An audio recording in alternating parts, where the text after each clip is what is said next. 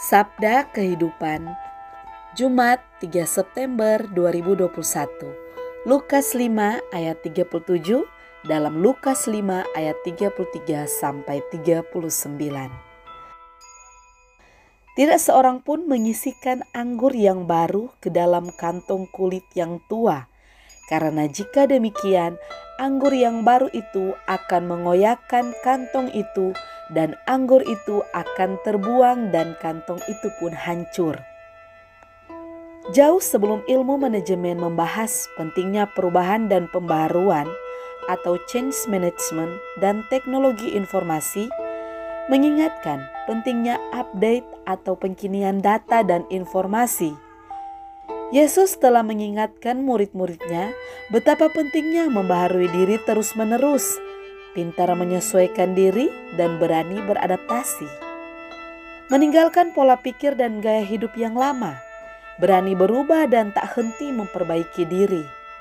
Cinta Allah selalu baru mengalir di hidup kita, memberi hidup baru.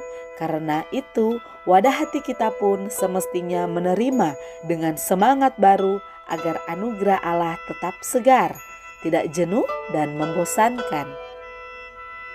Datangnya sinar mentari di pagi hari sudah disertai dengan pergantian tanggal yang baru. Tubuh kita pun telah membaharui sel-sel yang lama dengan yang baru. Jangan sampai pikiran dan semangat masih tertinggal di hari kemarin.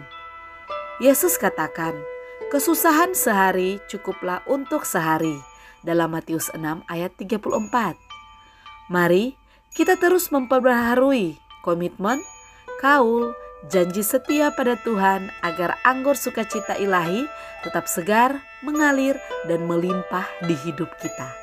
Sambutlah hari baru dengan semangat baru, lebih berkobar untuk mencintai dan melayani Tuhan. Selamat merayakan hari Jumat pertama di bulan September melimpah kasih setia Tuhan. Pastor Revita Not PR